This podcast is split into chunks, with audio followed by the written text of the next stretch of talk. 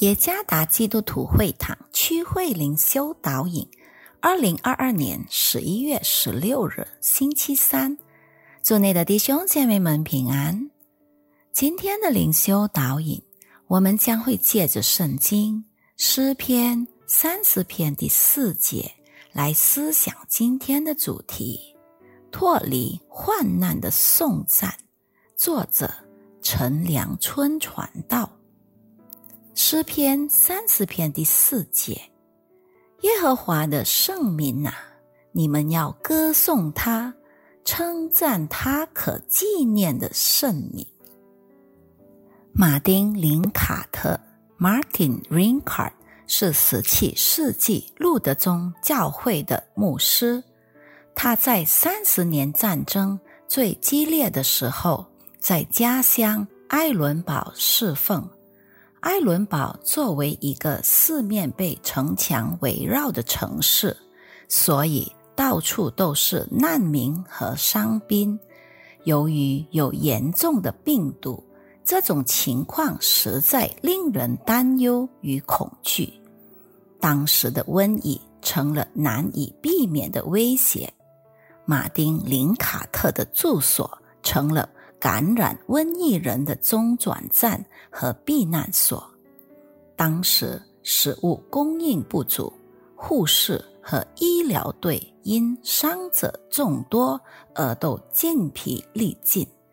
即便如此，马丁仍然忠于职守，尽心尽力的为受苦受难的人们提供服务与关照。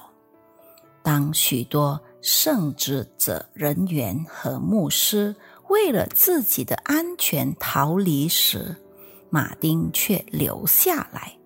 他为四千五百名死者安葬，其中包括自己的妻子。在这恐怖的事件中，马丁为他的孩子们写了一个家庭祷词。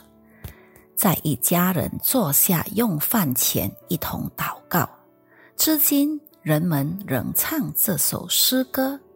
这首诗歌也成了众多教会的祝福。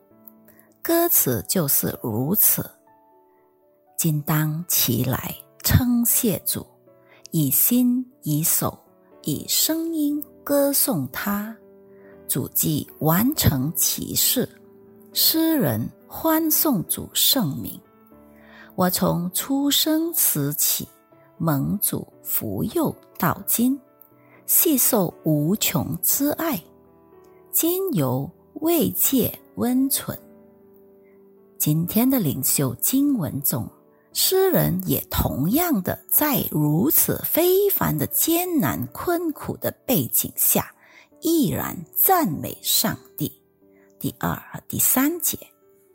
诗人因着坚定不移的信仰、信念与信心，不停的赞美上帝。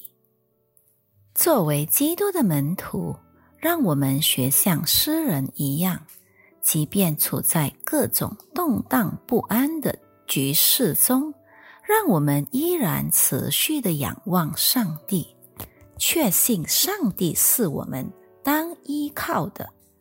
当我们面对各样危难时，唯有上帝能救助我们。他起义的拯救将给我们带来一首在基督里充满喜乐的新歌。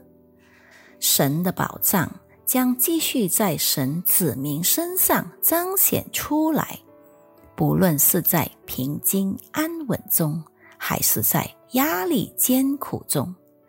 道路亨通中，还是在不得已的情况中，神始终都看顾劝诱我们。任何环境都不能拦阻信徒口里唱出欢乐和感恩的诗歌。